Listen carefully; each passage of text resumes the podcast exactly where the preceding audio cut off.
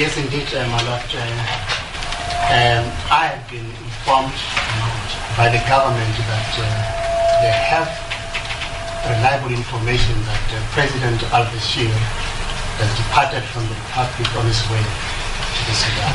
Die staatsadvokaat Willem Mukari het voor 'n volgepakte hofsaal die omstandighede rondom die geheimsinnige vertrek van al-Bashir verduidelik.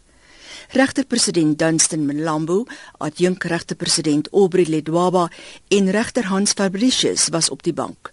Die regter-president het nie doekies omgedraai nie.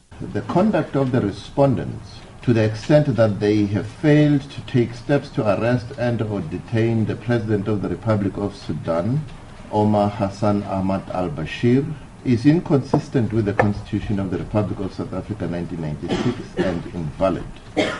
That the respondents are forthwith compelled to take all reasonable steps to prepare to arrest President Bashir without a warrant in terms of Section 40, subsection 1K of the Criminal Procedure Act 51 of 1977 and detain him pending a formal request for his surrender from the International Criminal Court. 3 that the applicant is entitled to the cost of the application on a pro bono basis. This is the order of the court. Die afgevaardigdes van die departement van justisie en binnelandse sake wou nie by die hof kommentaar lewer nie en het alle navrae na die parlement verwys.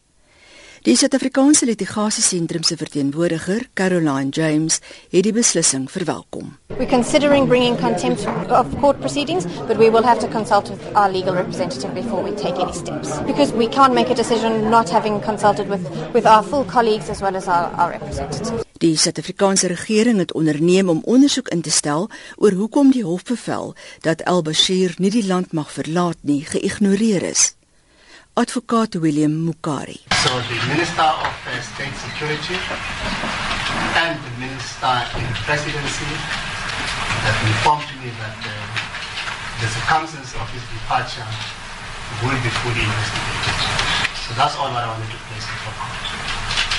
Thank you, Advocate Mukari. Die internasionale strafhof het sedert 2009 al twee keer lasbriewe vir die inhegtenisname van El-Bashir uitgereik. Die hof wil hom vervolg vir beweerde volksmoord en menseregte skendings in die Darfur-streek in Sudan. Die verslag van Faniel Shuma van Pretoria. Wilna Matthee in Johannesburg.